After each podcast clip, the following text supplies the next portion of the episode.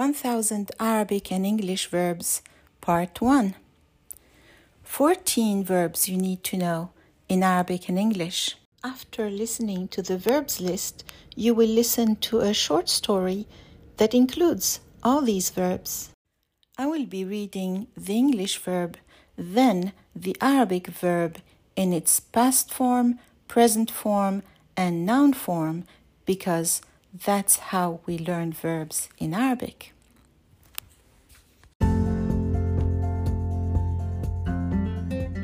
To wake up is صحى يصحو الصحو.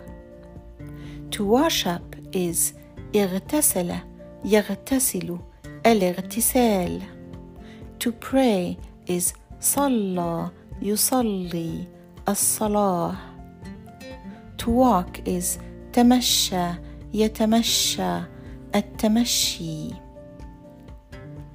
To practice is مارس يمارس الممارسة.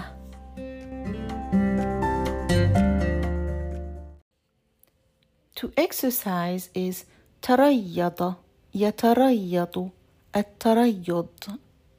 To work is عمل يعمل العمل. To study is درس يدرس الدراسة. To play is لعب يلعب اللعب.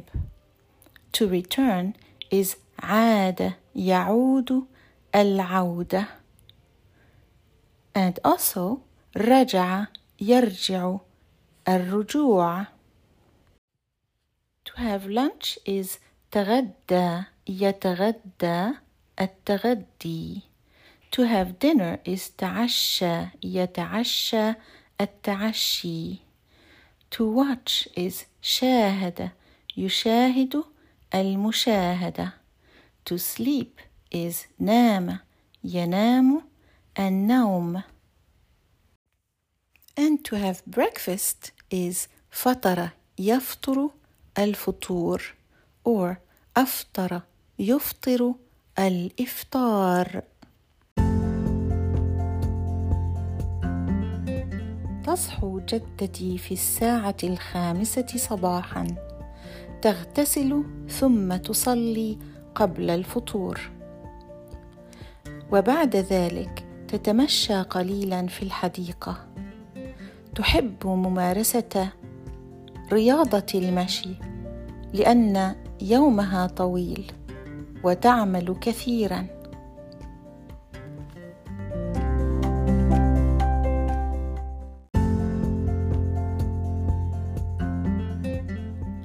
تحب دراسة اللغات واللعب مع أحفادها.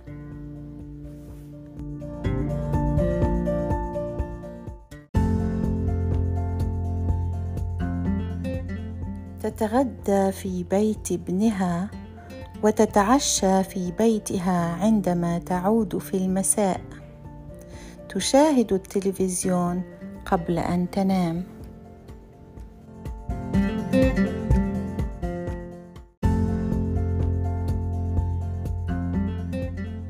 My grandmother wakes up at 5 in the morning.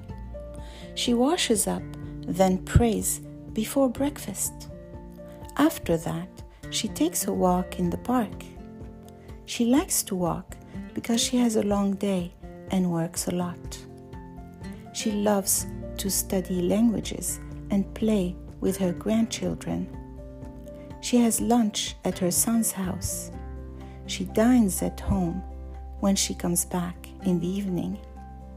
She watches TV before she sleeps. read this short story with me on my YouTube channel, Things You Need to Know About Arabic.